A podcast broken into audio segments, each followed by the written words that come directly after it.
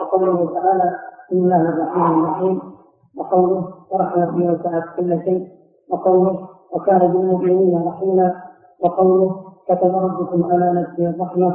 وقوله وهو الغفور الرحيم وقوله والله خير حافظا وهو ارحم الراحمين وقوله لقد رضي الله عنهم ورضوا عنه وقوله ومن مؤمنا متعمدا فجزاؤه جهنم خالدا فيها وغضب الله عليه ولعنه وأعد له عذابا عظيما وقوله ذلك لأنهم اتبعوا ما اسقط الله وكرهوا رضوانه فأحبط أعمالهم وقوله فلما آتفوا انتقمنا منهم فأغلقناهم أجمعين وقوله وقوله ذلك لان ولكن شيئا الله جاءهم فطبقهم وقيل خذوا مع نعم القاعدين وقوله كبر نقطة عند الله ان إلا ما لا تفعلون. ما في في قبل هذا نعم. نعم. بسم الله الرحمن الرحيم. الحمد لله والصلاة والسلام على رسول الله وعلى آله وصحبه. بقي من الآيات التي ساقها الشيخ رحمه الله في إثبات المحبة لله عز وجل آيتان الأولى قوله تعالى إن الله يحب الذين يقاتلون في سبيله صفا كأنهم بنيان مرصوص الآية الثانية قوله تعالى وهو الغفور الودود قوله تعالى إن الله يحب الذين يقاتلون في سبيله حتى سبب نزول هذه الآية والتي قبلها أن بعض الصحابة قالوا لو نعلم أحب الأعمال إلى الله لفعلناه وذلك قبل أن يفرض الجهاد فأنزل الله سبحانه وتعالى قوله إن الله يحب الذين يقاتلون في سبيله وفرض الله عليهم الجهاد فكره ذلك بعض الصحابة أو شق عليهم أمر الجهاد فقال تعالى يا أيها الذين آمنوا لم تقولون ما لا تفعلون عاتبهم الله سبحانه وتعالى كبر مقتا عند الله أن تقولوا ما لا تفعلون كما قال تعالى كتب عليكم القتال وهو كره لكم وعسى أن تكرهوا شيئا وهو خير لكم وهم رضي الله عنهم لم يكرهوا الجهاد من ناحية أن الله شرعه ولكنهم كرهوا القتل والقتال لمشقته على النفوس وهي كراهية طبيعية لا كراهية دينية كراهية طبيعية لأنه من المعلوم أن النفس تكره الموت تكره القتل ولكن الله سبحانه وتعالى بين لهم أن عاقبة القتال ونتائج الجهاد في سبيل الله أنها خير وأن مصلحته راجحة وعسى أن تكرهوا شيئا وهو خير لكم وعسى أن تحبوا شيئا وهو شر لكم الله يعلم وأنتم لا تعلمون فكراهيتهم للقتال كراهية نفسية بما فيه من المشقة والخطر لا كراهية دينية فإن المسلم يرضى بما شرعه الله سبحانه وتعالى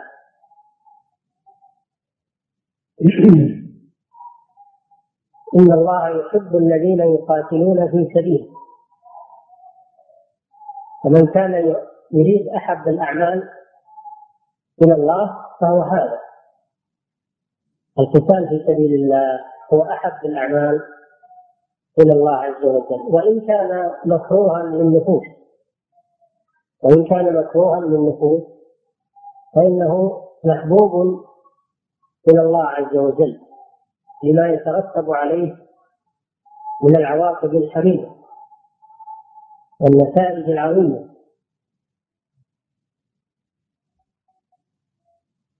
وقوله يقاتلون في سبيله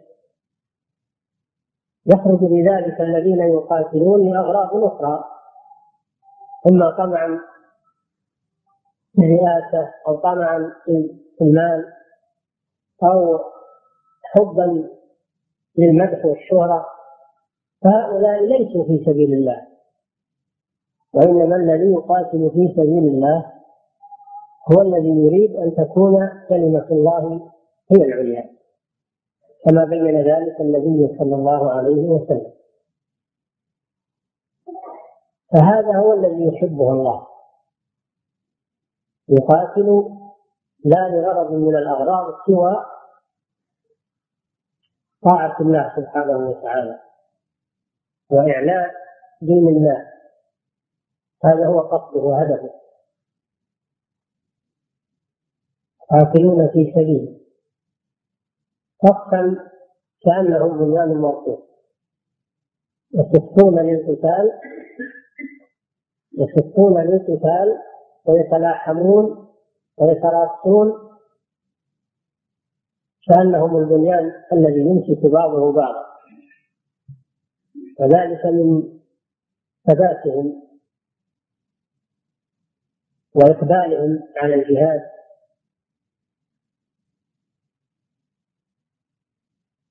ففي هذا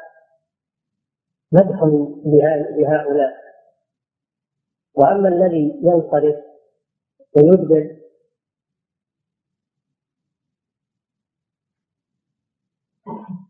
بغير عذر شرعي فهذا هو الفرار من الزحف وهو كبيرة من كبائر الذنوب قال تعالى يا أيها الذين آمنوا إذا لقيتم الذين كفروا زحفا فلا تولوهم الأدبار ومن يولهم يومئذ دبره إلا متحرزا لقتال أو متحيزا إلى فئة فقد باء بغضب من الله ومأواه جهنم وبئس المصير الفرار من الزحف كبيرة من كبائر الذنوب ولا يجوز إلا لغرض صحيح مثل المتحرك للقتال أو يذهب لينجد طائفة من المؤمنين تحتاج إلى النجدة فهو ينصرف من قتال إلى قتال ومن طائفة إلى طائفة متحرفا للقتال أو متحيزا إلى فئة يعني من المؤمنين تريد أو تحتاج من اللذة إيه. أما من انحرف عن العدو وقت المعركة من انحرف لغير هذين الأمرين فإن هذا هو فرار من الزحف إيه. ولهذا كان الصحابة رضي الله عنهم يثبتون المعارك ولا مدبرون ابدا ولهذا يقول يقول سعد بن زهير في وصفهم لا يقطع الطعم الا في نحورهم وما لهم عن خيار الموت تهليل لا يقطع الطعن الا في نحورهم كل الجراحات تصيبهم في وجوههم وفي نحورهم لانهم لا ينصرفون ابدا عن القتال فيقع تقع الرماح والاتهام في وجوههم وفي نحورهم لهباتهم رضي الله عنه اما الذي يضرب في قفاه او يطرح في قفاه هذا دليل على انحرافه وعلى جبنه كانهم بنيان مرصوص وفي هذا اثبات المحبه لله عز وجل وأنه يحب أهل هذه الصفة وفيه فضل الجهاد في سبيل الله وفيه آه، أدب من آداب القتال وهو الاصطفاف أمام العدو أن يصطف المسلمون أمام العدو صفا صفا واحدا متلاحما ليس فيه فرص ولا خلل لأن يعني هذا أشجع على القتال وأهيأ للعدو وأدل على الثبات والشجاعة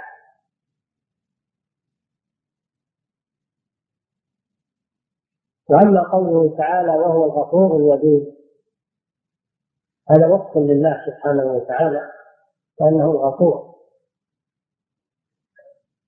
والغفور صيغة مبالغة من غفر بمعنى ستر ومحى ستر الذنب ومحاه فهو يستر على عباده ذنوبهم ويغفرها لهم ويمحوها عنهم كأنها لم تكن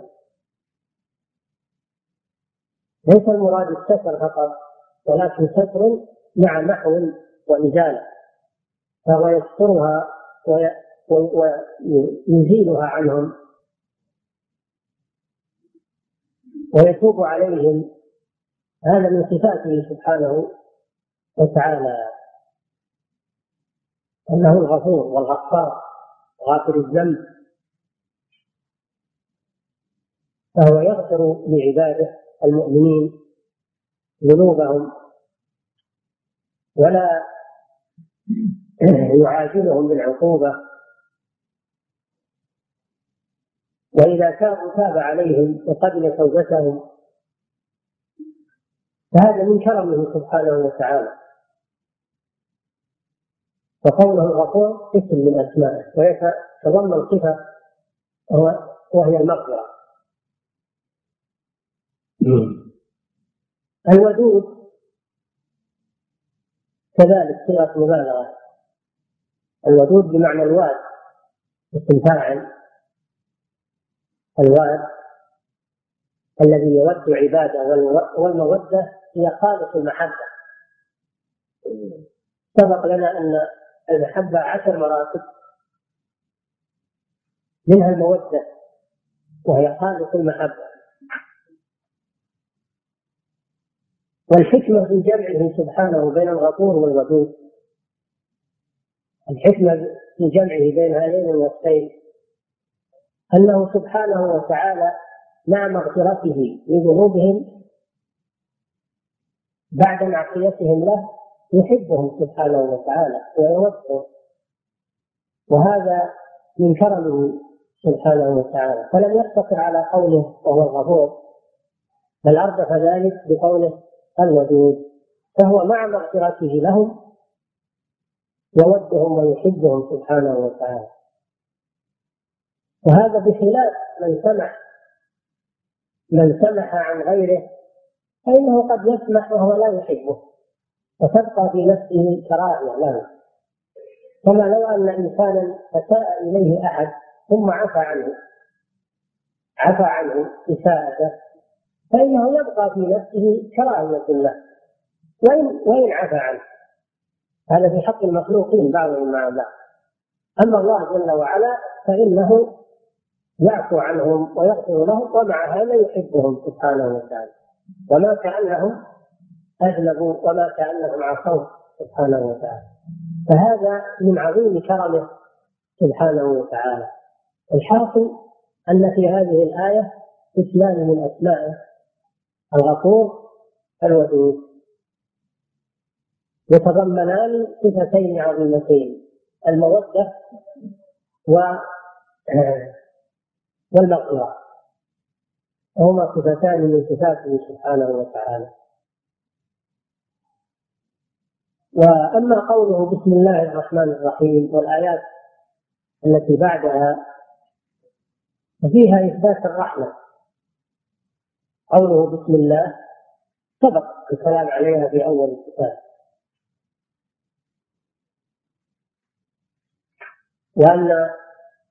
بسم الله الباء حرف جر ومسلم مجرور بالباء والجر والمجرور متعلق بمحذوف تقديره أبتدئ بسم الله أبتدئ بسم الله أو أتبرك بسم الله وبسم الله متعلق بمحذوف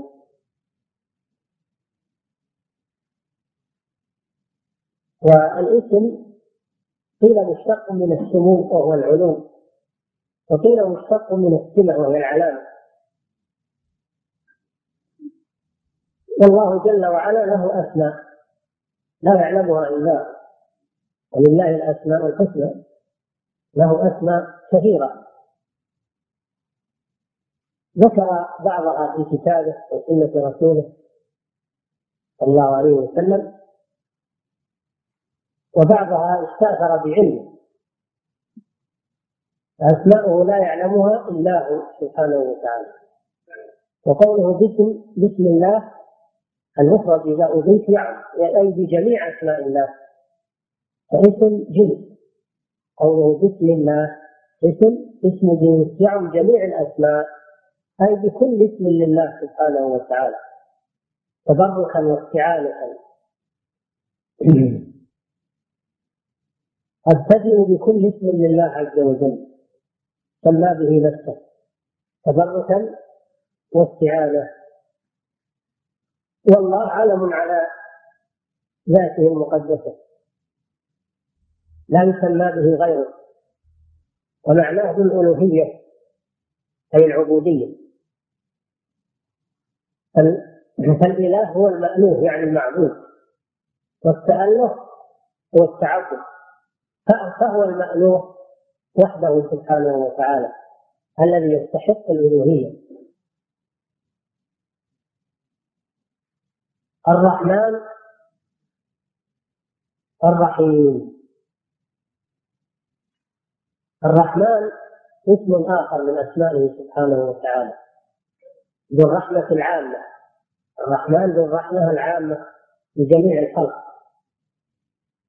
ولا يسمى بهذا الاسم أيضا إلا الله سبحانه وتعالى الرحيم رحمة خاصة بعباده المؤمنين وكان بالمؤمنين رحيما رحمته عامة ورحمته أيضا خاصة منها ما هو عام لجميع المخلوقات حتى الكفار ومنها ما هو خاص بعباده المؤمنين أيضا يقولون الرحمن يدل على الصفة الذاتية على الصفة الذاتية والرحيم يدل على الصفة الفعلية أي الذي يرحم عباده المؤمنين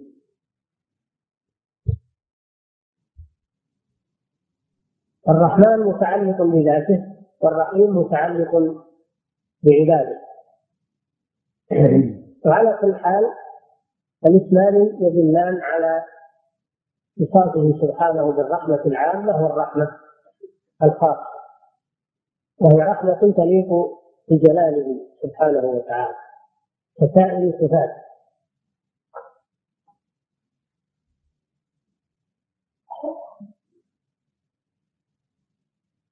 قالوا بسم الله الرحمن الرحيم فيها انواع التوحيد الثلاث وقوله جسم هذا يدل على توحيد الربوبية الله يدل على توحيد الألوهية الرحمن الرحيم يدل على توحيد الأسماء والصفات وفي هذه الجملة أنواع التوحيد الثلاثة توحيد الربوبية وتوحيد الألوهية وتوحيد الأسماء والصفات نعم.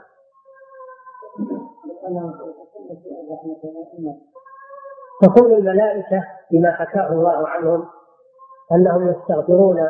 للذين آمنوا يعني يستغفرون للذين آمنوا ربنا وسعت كل شيء رحمة وعلما الذين يحملون العرش ومن حوله يعني الملائكة حملة العرش والذين حول العرش يعني يسبحون بحمد ربهم يعني ينزهونه عما لا يليق به ويؤمنون به ويستغفرون للذين آمنوا يطلبون المغفرة آه. يطلبون المغفرة للمؤمنين من بني آدم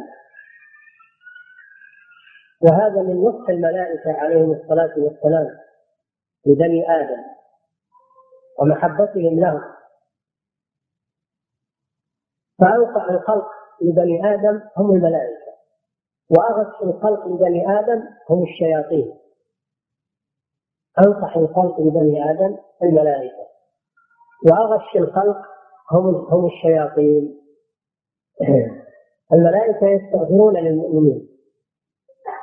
ويتوسلون إلى الله جل وعلا برحمته وعلمه وسعت كل شيء رحمة وعلما يعني ووسعت كل شيء علما هذا توسل من الله بأسمائه وصفاته فاغفر للذين تابوا يعني من المؤمنين واتبعوا سبيلك وقهم عذاب الجحيم ربنا وادخلهم جنات عدن التي وعدتهم الى اخر الايات كلها دعاء من الملائكه لصالح بني ادم وقوله وسعت كل شيء رحمه رحمه منصوب على التمييز منصوب على التمييز وكذلك علما منصوب على التمييز يقولون وهما محولان إلى الفاعل والأصل وسعت رحمتك كل شيء ووسع علمك كل شيء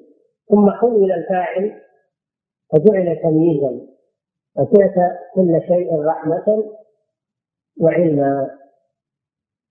رحمة الله واسعة وسعت جميع الخلق حتى الكفار في الدنيا وسعتهم رحمة الله فإن الله سبحانه وتعالى يرحمهم في الدنيا بأن يرزقهم ويعافيهم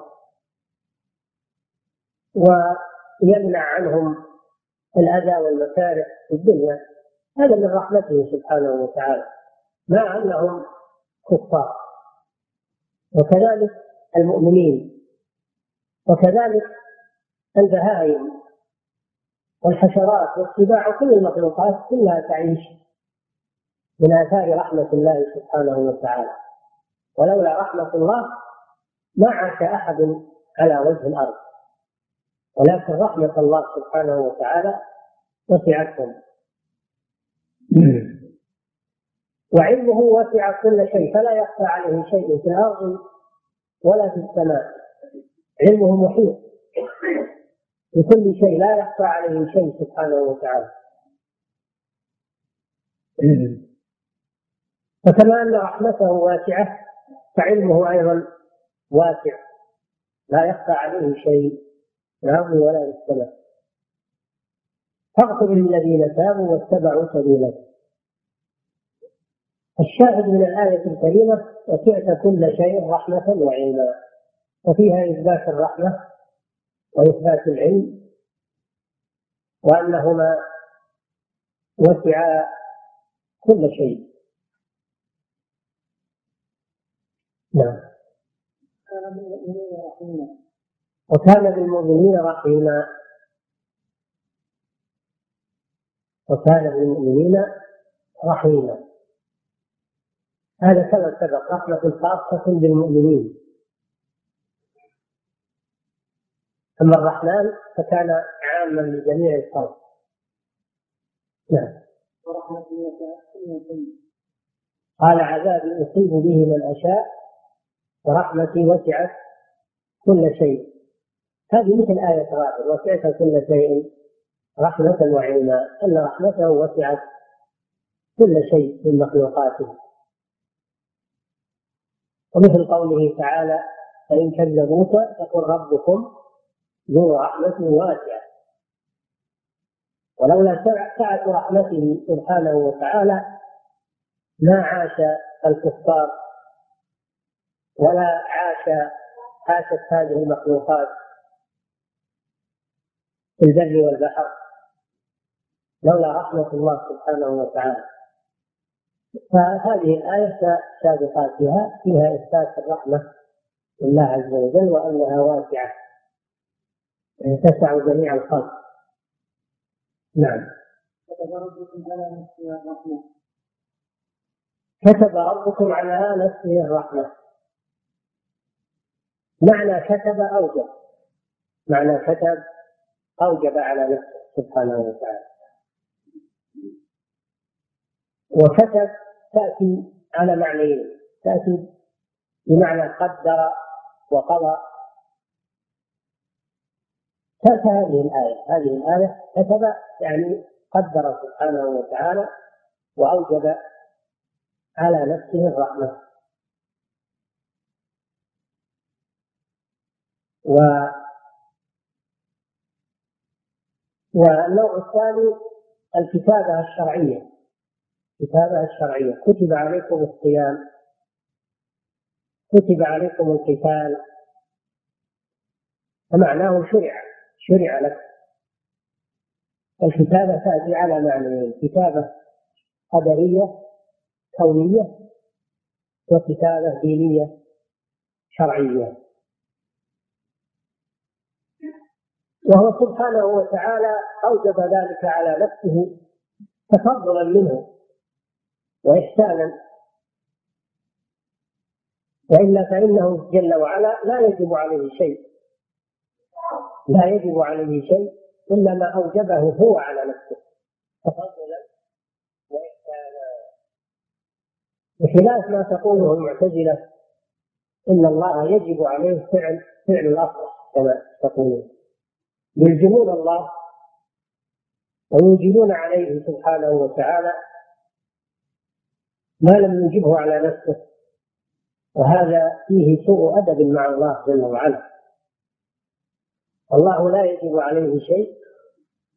إلا ما أوجبه على نفسه تفضلا منه وإحسانا ولا وليس عليه حق لأحد إلا الحق الذي تفضل به كما قال سبحانه وكان حقا علينا نصر المؤمنين أتدري ما حق العباد على الله حق العباد على الله إنما هو حق تفضل به سبحانه وتعالى ولم يجبه عليه أحد ولا يلزمه شيء سبحانه وتعالى إلا ما ألزم نفسه به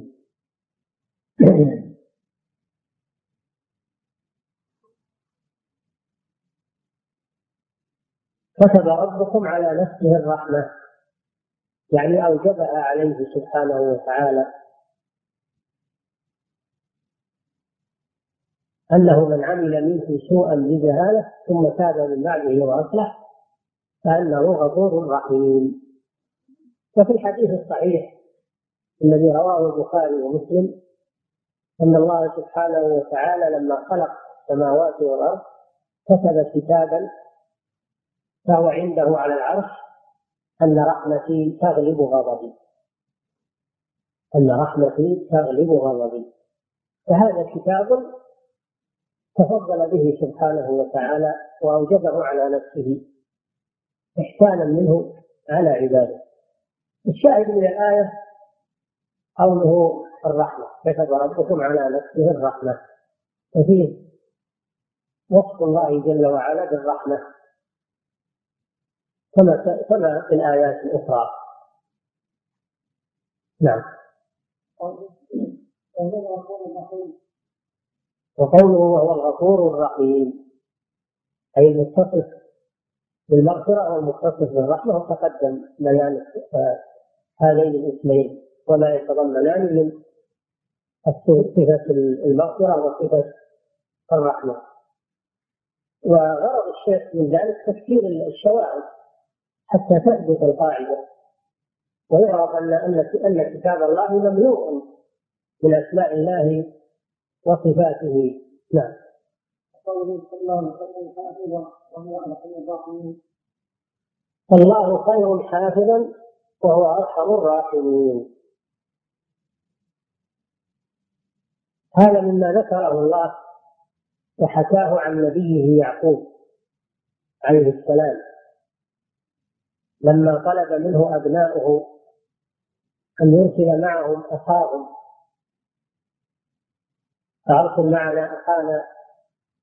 آه، نفسا فانا له لحافظون وذلك أن يوسف عليه السلام لما دخلوا عليه بعدما آه، تبوأ المنزلة العالية في الدولة وصار هو المسيطر على الأموال جاءوا يحتالون ودخلوا عليه فعرفه وهم له منكرون ما عرف من يوسف ان يصل الى هذه المنزله يصير ملك مصر بيده الخزائن والمفاتيح ما عرفوا انه سيصل الى هذه المنزله عرفهم وهم له منكرون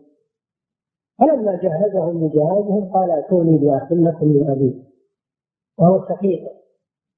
شقيق يوسف عليه السلام وهو بنيامين شقيق يوسف هو وهو من أمة من من, من أم واحدة من أم واحدة أما بقية إخوانه فهم من أم أخرى طلب منهم أن يحضروا أخاه وإلا فإنه في البقعة الثانية لا يعطيهم شيئا ولا يكفيهم فإن لم تأتوني به فلا كيد لكم عندي ولا تقربون اشتد الأمر عليهم اشتد الأمر عليهم لما رجعوا إلى أبيهم قصوا عليهم قصة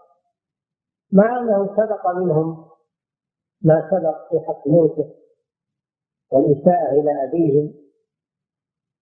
وحصلت مداولة آه، بينهم وبينه في إرسال أخيهم معهم طلبا للكيل وزيادة الحمل الذي سيعطيهم إياه ونزداد كيل بعير أنهم لا صار معهم أخوهم زاد الكيل صار معهم زوج حمل فهم طمعوا في هذا وايضا هم تهددهم انه سيمنعهم من الخير فان جاءوا باخيهم كان لهم وزادهم حلا وان لم ياتوا باخيهم منعهم من الخير بتاتا ولم يحصلوا على شيء فالمساله موقف المخرج وهذا فيه امتحان وابتلاء ليعقوب عليه السلام وفيه امتحان ايضا لاخوته أو في المعنى هذا نفسا وإنا له لحافظ تعهدوا بحفظه لأنهم قادرين ماضيهم مع يوسف عليه السلام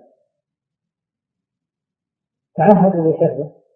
فقال يعقوب عليه السلام فالله خير حافظا يعني أن حفظ الله خير من حفظكم أنا لا أتكل عليكم ولا أعتمد عليكم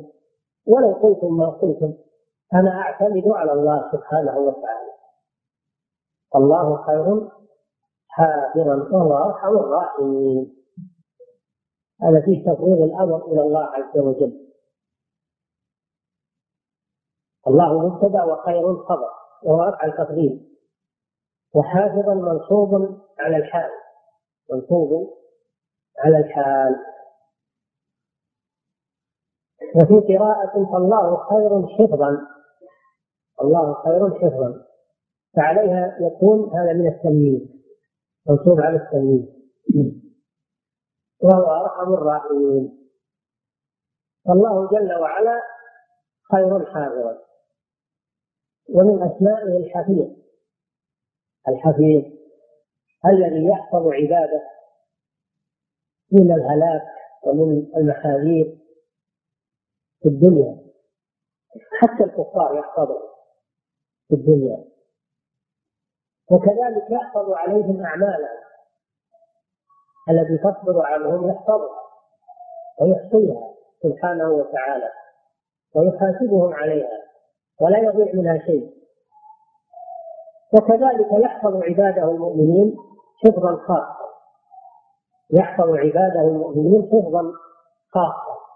يحفظهم من عدوهم ويحفظهم من الكفر ومن النفاق ويحفظهم من المخاطر فهناك حفظ وحفظ خاص الحفظ العام لجميع واما الحفظ الخاص فهو لعباده المؤمنين والله خير حافظا فهذا فيه فيه وصف الله جل وعلا بالحفظ انه هو الحافظ والحفيظ نعم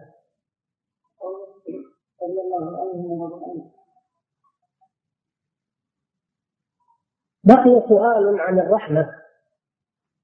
بقي سؤال عن الرحمة نحن قرأنا الآيات في إثبات الرحمة لله عز وجل بينما هناك أدلة تدل على أن هناك رحمة مخلوقة وصفات الله جل وعلا غير مخلوقة مثل قوله سبحانه في الحديث القدسي قول للجنة أنت رحمتي أنت رحمتي ومثل قوله تعالى فانظر إلى آثار رحمة الله يعني لما ذكر إنزال المطر قال فانظر إلى آثار رحمة الله كيف يحيي الأرض بعد موتها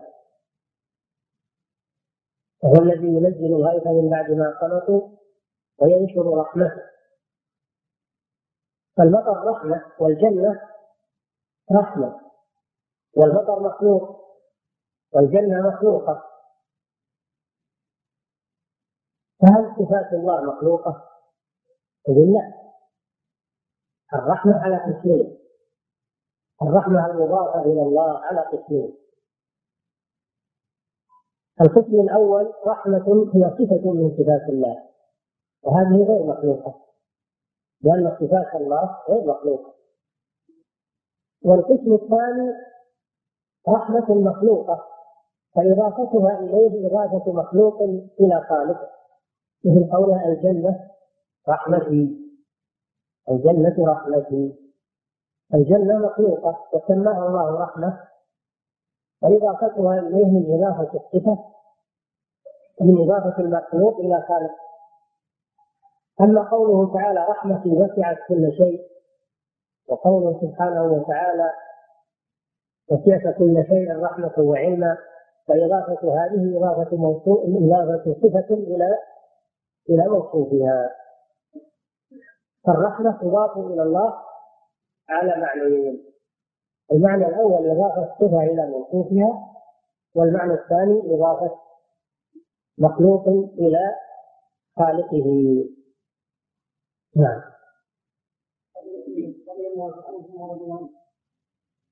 وبالمناسبة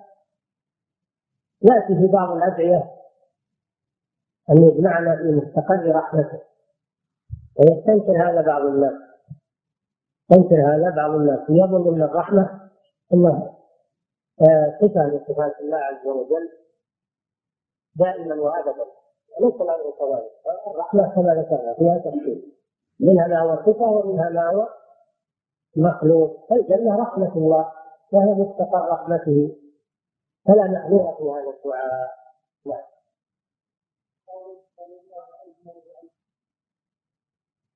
رضي الله عنهم ورضوا عنه هذه تكررت في آيات كثيرة رضي الله عنهم ورضوا عنه في آخر سورة أو مائدة وفي سورة التوبة والمؤمنون والمؤمنات بعضهم أولياء بعض فيها رضي الله عنه ويأتي والمهاجرون والأنصار الذين اتبعوهم بإحسان رضي الله عنهم ورضوا عنه في سورة التوبة في آخرها في سورة البينة في آخرها رضي الله عنهم ورضوا عنه ذلك لمن خشي ربه فهذا فيه إثبات أن الله رضي عن عباده المؤمنين بسبب طاعتهم له وإيمانهم به رضي عنهم سبحانه وتعالى وأما المنافقون وأما الكفار والمنافقون فإن الله غضب عليهم غضب عليهم فغضب للمؤمنين واما الغضب والسخط والمقت فهو في حق الكفار والعصاة وهم كذلك رضوا عن الله رضوا عن الله بما أعطاهم من النعيم إذا دخلوا الجنة كل يرضى بمنزلته يرى أن أحدا ولا يرى أن أحدا أحسن منه ليس بينهم تنافس في الجنة كل يرى أن ما هو فيه ليس فيه أحد غيره وذلك لما يجعل الله في قلوبهم من الرضا بخلاف الدنيا فإن الإنسان مهما أعطي ومهما حصل عليه يريد الزيادة ويحسد الناس أو يقتل من أجل يأكل مع الآخرين أو يكتب ويشتم ما يرضى الإنسان في الدنيا ما يرضى قليل من عبادي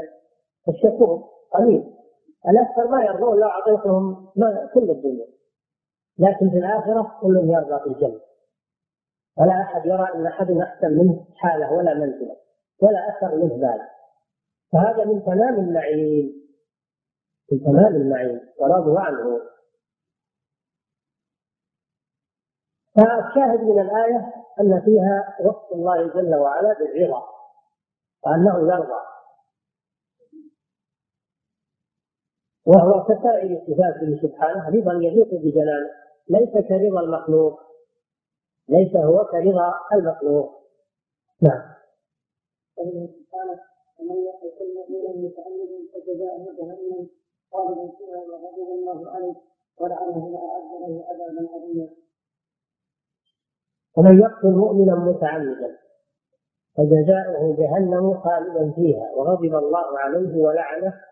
وأعد له عذابا عظيما من يقتل مؤمنا خرج الكافر خرج الكافر الذي ليس له عهد ولا أمان فهو مباح الذنب الذي ليس له عهد ولا أمان كافر الحربي كافر الحربي فهذا لا حرج في لانه يهدر الدم حلال الدم والمال متعمدا خرج قتل المؤمن خطا وقد سبق الآية التي قبلها وما كان لمؤمن أن يقتل مؤمنا إلا خطأ وقتل الخطأ هو أن يفعل الإنسان ما له فعله ويترتب على ذلك قتل شخص لم لم يقصده فعل ما له فعله يسوق السيارة نهك واحد ويظهر يسوق السيارة يمشي رمى صيد يريد يرمي صيد وعرض الإنسان وقتله وما قتل الإنسان قتله الصيد فعل ما له فعله تترتب على ذلك قتل إنسان لم يقصده هذا خطأ هذا من باب الخطأ حفر حفرة في الطريق ويمكن يحط عليها غطاء أو فيها جاء واحد فيها ومات هو قصد قتل الناس لكن هذا من التسبب في القتل وهو خطأ فالقتل الخطأ هذا لا يدخل في هذا الوعيد ولكن فيه الكفارة كما ذكر الله جل وعلا فيه الكفارة متعمدا يخرج الخطأ وقتل العمد لا معناه هو أن يقصد يقصد آدميا معقوبا فيقتله بما يغلب على الظن موته به هذا قتل العمد ان يقتل ادميا معصوما يعني محرم القتل سواء كان مؤمنا او كان معاهدا او مستأمنا فيقتله بما يغلب على الظن تكون الآلة يغلب على الظن أنها قاتلة فهذا يعتبر متعمدا تعمدا للقتل فيشترط في القتل العمد وجود القصد أولا وجود القصد الثاني الشرط الثاني أن تكون الآلة صالحة للقتل فإذا توفر هذان الشرطان صار القتل عمدا وجود القصد ووجود الآلة الصالحة للقتل وإن تخلف شرط من هذين الشرطين صار متعمدا يخرج الخطأ وقصد العمد لا معناه؟ هو أن يقصد يقصد آدميا معصوما فيقتله بما يغلب على الظن موته به هذا قتل العمد أن يقصد آدميا معصوما يعني محرم القتل سواء كان مؤمنا أو كان معاهدا أو مستأمنا فيقتله بما يغلب على الظن تكون الآلة يغلب على الظن أنها قاتلة فهذا يعتبر متعمدا تعمدا للقتل ويشترط في القتل العمد وجود القتل أولا وجود القتل الثاني الشرط الثاني أن تكون الآلة خالقة للقتل فإذا توفر هذان الشرطان صار القتل عمدا وجود القصد ووجود الآلة الصالحة في القتل وإن تخلف شرط من هذين الشرطين صار القتل خطأ أو شبه قد يكون شبه وقد يكون خطأ إذا وجد القصد ولم توجد الآلة يقول هذا شبه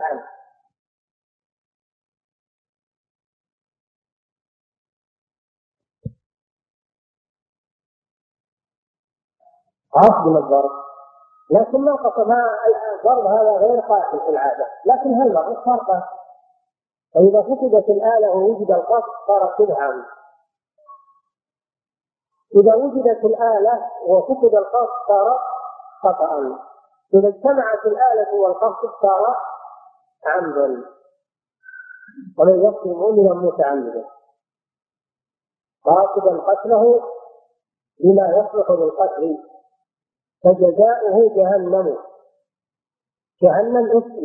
لطبقة من طبقات النار النار طبقات جهنم سقر والحطمة والسعير ولظى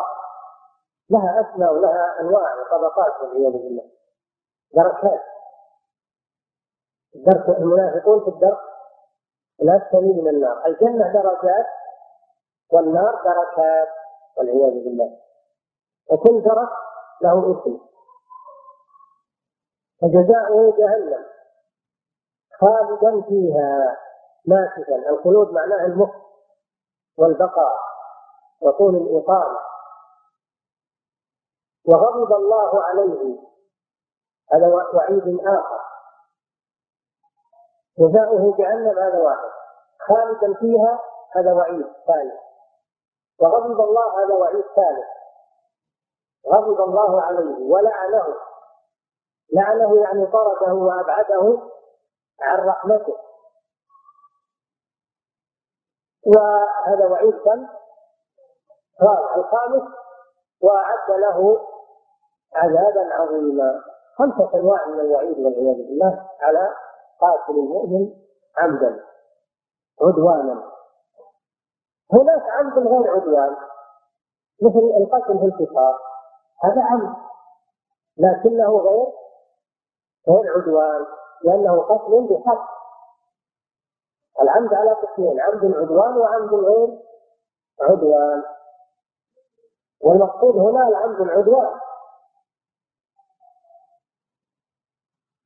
فهذه الآية فيها إثبات الغضب لله سبحانه وتعالى وإثبات أن الله يلعن بعض العصاة يلعن بعض العصاة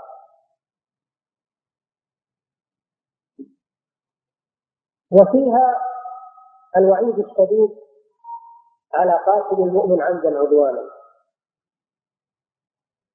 ولا شك ان قتل المؤمن عمدا عدوانا كبيره من كبائر الذنوب باجماع العلم انه كبيره من كبائر الذنوب وبإجماع أهل السنة والجماعة أنه لا يكفر أن القاتل عمدا عدوانا لا يكفر أن قتل المؤمن عمدا عدوانا لا يكفر الكفر وإن كان كبيرا من كبائر الذنوب فهو لا يكفر الكفر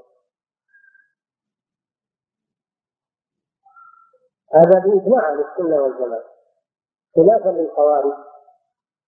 والمعتزلة الذين يفسرون بالكبائر لكن هنا إشكال وهو هل تقبل توبة القاتل إذا تاب أو لا بد من إنفاذ الوعيد في حقه ولا بد من دخوله النار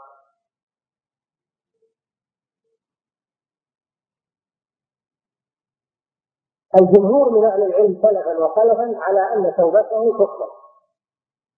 لقوله تعالى إن الله لا يغفر أن يشرك به ويغفر ما دون ذلك لمن يشاء ولا شك أن القتل دون دون الشرك فهو داخل في قوله ويغفر ما دون ذلك لمن يشاء وفي قصة الذي قتل 99 نفس ثم سأل هل له من توبة فقال له العابد ليس لك توبة فقتله وكمل به المئة ثم سأل هل له من توبة فأفتاه عالم بأن له توبة وأنه يخرج من أرضه إلى أرض كذا وكذا مهاجرا فقبضته ملائكة الرحمة توفي في الطريق وقبضته ملائكة الرحمة هذا دليل على على قبول توبة القاتل وإن كثر منه القتل هذا مذهب أهل السنة آه، جمهور هذا مذهب جمهور أهل السنة والجماعة أن توبته مقبولة إذا تاب إلى الله وذهب عبد الله بن عباس رضي الله تعالى عنهما وزيد بن ثابت وأبو هريرة سلمة بن أبي عبد الرحمن إلى أنه لا تقبل توبته لا تقبل توبته لهذه الآية الكريمة فلا بد من دخوله في النار وبقائه فيها لكن لا يخلد فيها فالخلاف بين الجمهور وبين ابن عباس أنه يغفر له قد يغفر له ولا يدخل النار وأما ابن عباس فيرى أنه لا بد من دخوله النار ولو كان مؤمنا ولو كان مؤمنا ولو كان لا يخلد فيها لأنه ليس بكافر لكن عنده لا بد من دخوله النار هذا محل الخلاف بين الجمهور وبين ابن عباس ومن تبعه والصحيح ما ذهب إليه الجمهور صحيح ما ذهب إليه الجمهور جمعا بين الأدلة أدلة عموم المغفرة لمن تاب و قوله تعالى إن الله لا يغفر أن يشرك به ويغفر ما دون ذلك لمن يشاء وحديث الذي قتل فيها سنة وغيره من الأدلة فإنه يغفر الله له وقد لا يدخل النار بمغفرة من الله سبحانه وتعالى الإمام ابن القيم في الجواب الكافي كأنه أراد أن يتوسط بين الجمهور وبين قول ابن عباس فقال ان القتل عمدا عدوانا يتعلق به ثلاثه حقوق القتل عمدا عدوانا يتعلق به ثلاثه حقوق حق لله وحق لاولياء القتيل وحق للقتيل نفسه اما حق الله فانه يسقط بالتوبه اذا تاب الى الله تاب الله عنه واما حق اولياء القتيل فانه يسقط باحد امرين اما بالقصاص واما بالعفو مجانا او العفو على الديار حقهم يسقط اما بالعفو مجانا واما بالعفو مع اهل الديار او بالقصاص اذا اختصوا سقط حقهم يبقى حق القتيل يبقى على القاتل الى يوم القيامه وأمره إلى الله سبحانه وتعالى أمره إلى الله سبحانه وتعالى هذا حاصل الخلاف في هذه المسألة مع إجماعهم على أنه لا يكفر ومع إجماعهم أيضا على أنه لا يقلد في النار وإنما فالخلاف في هل يغفر له ولا يدخل النار أو لا بد من دخوله النار هذا محل الخلاف نعم ما ما الله وكرهوا فأحبط أعمالهم ذلك بأنهم استدعوا ما أسخط الله وكرهوا رضوانه فأحبط أعمالهم هذا تعليل لما سبق وهو قوله ولو ترى إذ يتوفى الذين كفروا الملائكة يضربون وجوههم وأدبارهم ذلك بأنهم اتبعوا ما أسخط الله وكرهوا رضوانه فأحبط أعمالهم الكافر والعياذ بالله الكافر عند الموت عندما تحضره ملائكة الموت لقبض روحه يضربونه ضربا شديدا يضربونه ضربا شديدا على وجهه وقفاه والعياذ بالله ولم ترى أن يتوفى الذين كفروا الملائكة يضربون وجوههم وأدبارهم وذوقوا عذاب الحريق ذلك بما قدمت أيديكم وأن الله ليس بظلام للعبيد ولو ترى إذ يتوفى الذين كفروا الملائكة يضربون وجوههم وأدبارهم ذلك بأنهم كرهوا إلى آخر الآيات وفي الآية الثالثة يقول سبحانه ولو ترى إذ الظالمون في غمرات الموت والملائكة باسطوا أيديهم يعني بالضرب الملائكة تبسط أيديها بالضرب لهؤلاء والملائكة باسط أيديهم أخرجوا أنفسكم اليوم تجزون عذاب الهون بما تقولون على الله غير الحق وكنتم على آياته تستكبرون فهذا فيه وصف احتضار الكافر والعياذ بالله وأن الملائكة تضربه والسبب في ذلك ذلك بأنهم كرهوا اتبعوا ذلك بأنهم اتبعوا ما أسخط الله وكرهوا رضوانه هذا هو السبب وماتوا والعياذ بالله على هذه الحالة الشاهد من الآية أسخط الله وفيه وصف الله بأنه يسخط والسخط هو الغضب فهذا هو الغضب فالله يوصف بالغضب كما في الآية التي قبلها وغضب الله عليه ويوصف أيضا بالسخط كما في هذه الآية اتبعوا ما أسخط الله وكرهوا الله وفيها أن من كره شيئا مما أنزل الله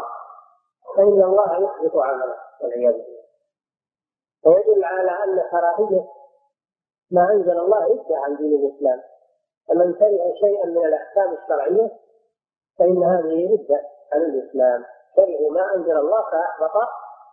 اعمالهم في اول السوره يقول ذلك بانهم كرهوا ما انزل الله فاحبط اعمالهم وهنا يقول ذلك بانهم اتبعوا ما اسخط الله وكرهوا رضوانه فاحبط اعمالهم فمن كره شيئا مما انزل الله فانه يرتد عن دين الاسلام ويحبط عمله ولهذا ذكروا ان من انواع الرده بغض الرسول صلى الله عليه وسلم او بغض بعض ما جاء به الرسول صلى الله عليه وسلم. نعم. قوله سبحانه فلما آتتهم منهم فأغرقناهم أجمعين. هذا في قول فرعون فلما آسفونا انتقمنا منهم فأغرقناهم أجمعين. هذا في فرعون وقومه. آسفونا يعني أغضبونا لما أغضبوا الله سبحانه وتعالى أغرقهم في البحر في قصة آه، خروجهم من مصر و آه، طلبهم لموسى وقومه حتى أدركوهم عند البحر وحاصروهم على البحر قال أصحاب موسى إنا لمدركون البحر من امامهم والعدو من خلفهم قال موسى عليه الصلاه والسلام كلا ان معي ربي سيهدين فاوحى الله اليها ان يضرب بعصاك البحر فضرب البحر فتجمد البحر وصار طرقا يابسه وايضا لم يزدحموا بل جعل لكل شق منهم طريقا خاصا اثني عشر شقا له لكل قسم يعني لكل قبيلة منهم طريق أضرب لهم طريقا في البحر يبسا لا تخاف دركا ولا تخشى فلما ضربه عليه الصلاة والسلام بعصاه تجمد طرف الجبال وصار طرقا آه، مسلوكة لما تسامى الخارجين دخل فرعون ومن معه فعاد البحر على حاله وغرقوا جميعا عن آخره والسبب في هذا ما هو آسفونا يعني أغضبونا والأسف يقولون على نوعين أسف بمعنى الحزن أسف بمعنى الحزن وأسف بمعنى الغضب والمراد هنا ها الأسف الذي بمعنى الغضب لا الأسف الذي بمعنى الحوالي آسفون يعني يغضبون وفيها وصف الله جل وعلا بأنه يغضب نعم وقوله سبحانه فلا تنسوا انهم بعثا تكبروا وقيل مع هذه قصة المنافقين في غزوة تبوك لما تخلفوا عن رسول الله صلى الله عليه وسلم المنافقون في غزوة تبوك تخلفوا وقالوا لا تنفروا في الحرب بقوا في ظل النخيل وفي ظل الاشجار والكليات ولم يخرجوا مع رسول الله صلى الله عليه وسلم لان الشقه بعيده والسفر بعيد الى تبوك في شده الحر شده القدر ونصيب الثمار امتحان من الله سبحانه وتعالى فالمؤمنون خرجوا مع رسول الله صلى الله عليه وسلم طائعين راغبين واما المنافقون فانهم تقلبوا وقالوا لا تنفروا في الحرب بين الله الحكمة من بقائهم وعدم خروجهم بين الله الحكمة وأن بقاءهم خير للمسلمين مما لو خرجوا معهم لو خرجوا فيكم ما زادوكم إلا قبالا ولا أوضعوا خلالكم يبغونكم الفتنة وفيكم سماعون لهم والله عليم بالظالمين وفي الآية التي معنا يقول ولو أرادوا الخروج لأعدوا له عدة ولكن كره الله انبعاثهم فثبطهم يعني فلم يتحركوا ولم يعدوا العدة للخروج لأن الله ثبطهم يعني كسلهم كسلهم وثقلهم وهذا عين المصلحة لأنهم لو خرجوا لأفسدوا الجيش ولا أرجحوا الجيش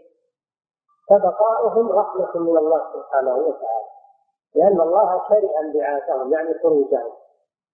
وإن كان أمرهم به شرعا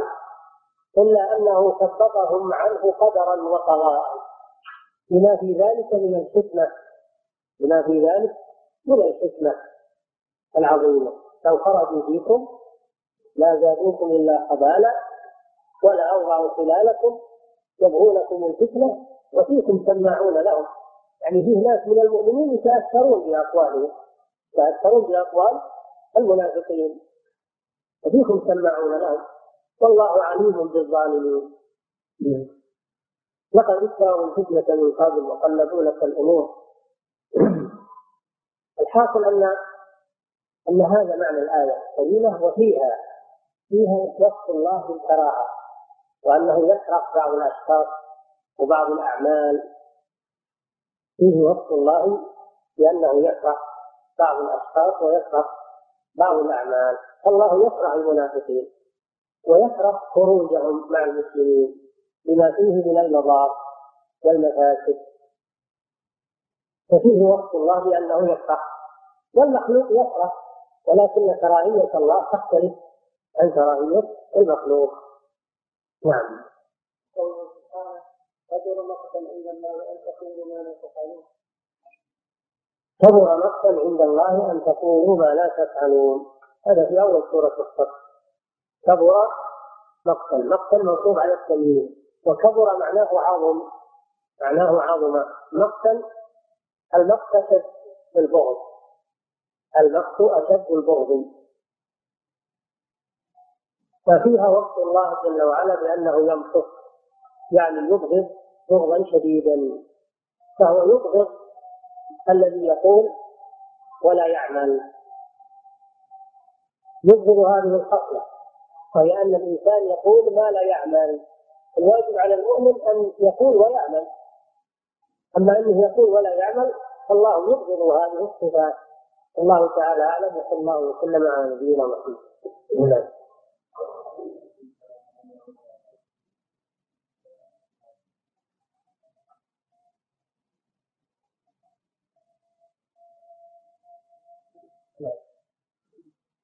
الله الرحمن الرحيم الحمد لله رب العالمين صلى الله وسلم على نبينا محمد وعلى اله وصحبه اجمعين فضيلة الشيخ من المعلوم ان الدليل الخاص يخصص القران كما هو معلوم من اصول الفقه فهم أدلة ابن عباس في الفقه ينطبق على هذه القاعدة ويكون دليله أقوى مثل قانون الفقه الصلاة لا بل العكس نعم الخاص خصص العام ولكن الخاص هو مع اهل السنه مع مع الجمهور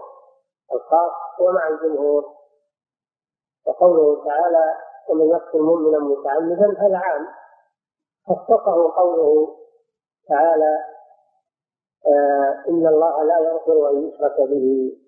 ويغفر ما دون ذلك لمن يشاء فالخاص مع الجمهور والعام مع ابن عباس دليل الجمهور مخصص للعالم نعم فضيلة الشيخ يذكر العلماء في كتب الفقه وغيرهم معقول السؤال أليس عند الإطلاق يكون المعقول هو المؤمن ولا يدخل فيها ولا يدخل فيها غيره كالمعاهد والمستعمل نحن الإطلاق المعاهد والمستعمل معصوم الدم من قتل معاهدا الحديث من قتل معاهدا آه، له ذمة الله وذمة رسوله لم يره صالح في الجنة المعاهد معصوم الدم بموجب العهد والأمان الذي أخذه من المسلمين نعم تكون في في الغالب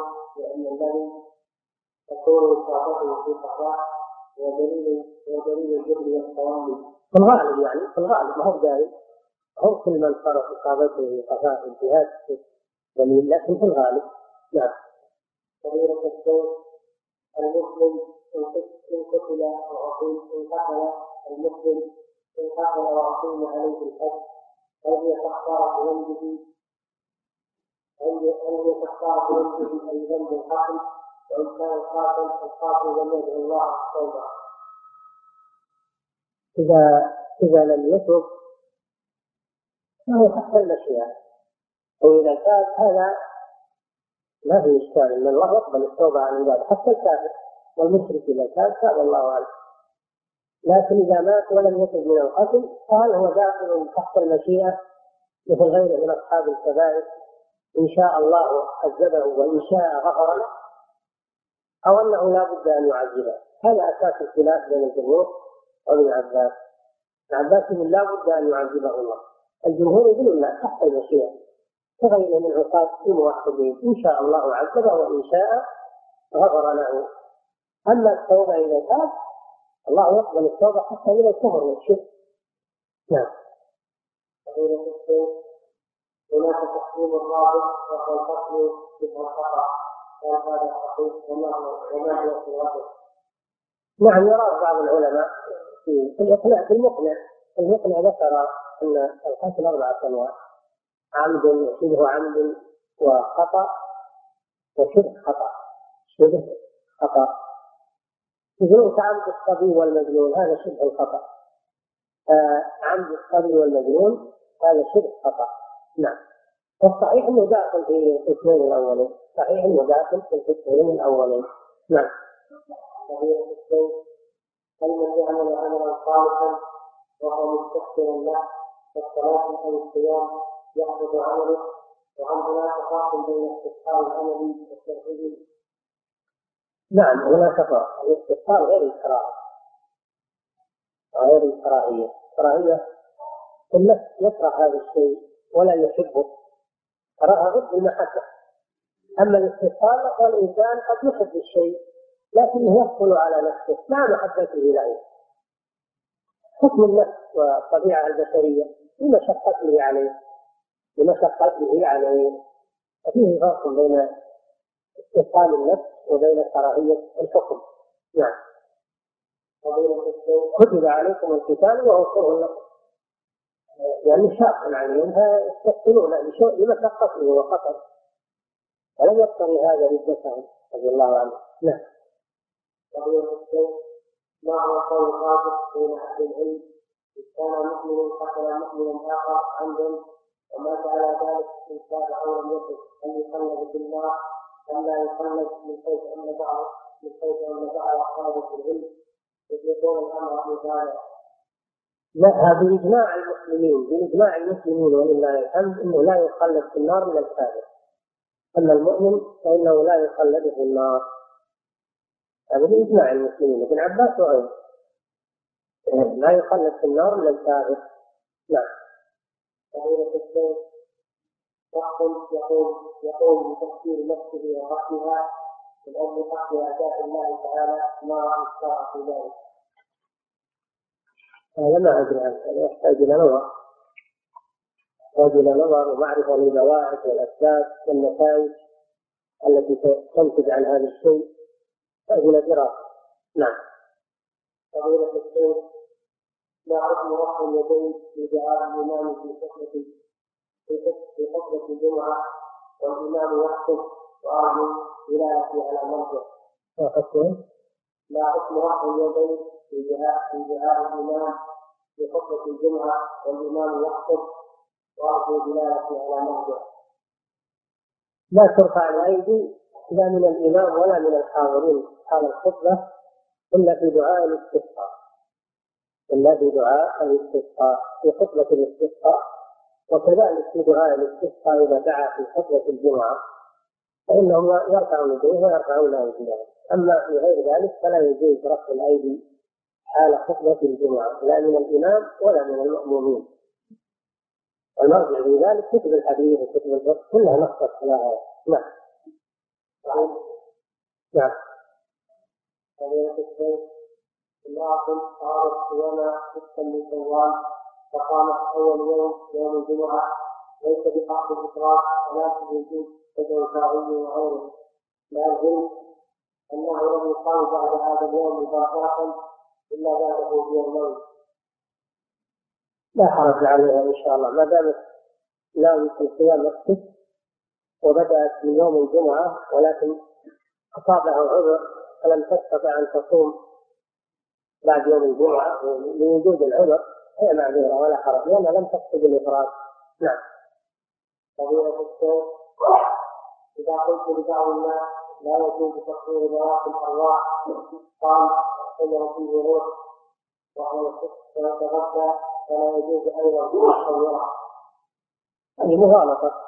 هذه مغالطة إذا ما فيه روح الروح في الإنسان الذي يتحرك و الروح تختص بالحيوانات تختص بالحيوانات أما الجمادات والأشجار هذه ليس فيها روح فيها حياة الحياة غير الروح الحياة على قسمين يقولون حياة نمو وحياة حركة حياة الحركة هذه خاصة بالحيوانات أما حياة النمو فهذه تكون في الأشجار والنباتات حياة نمو ما تسمى روح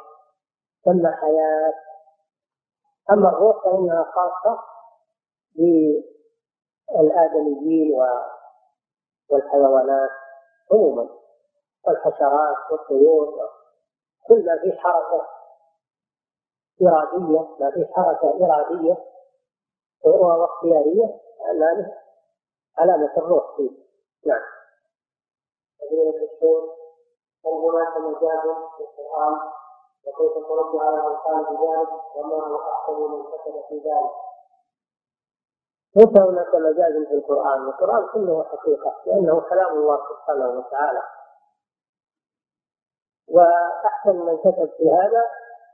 شيخ الإسلام ابن تيمية في كتاب الإيمان، كتاب الإيمان لشيخ الإسلام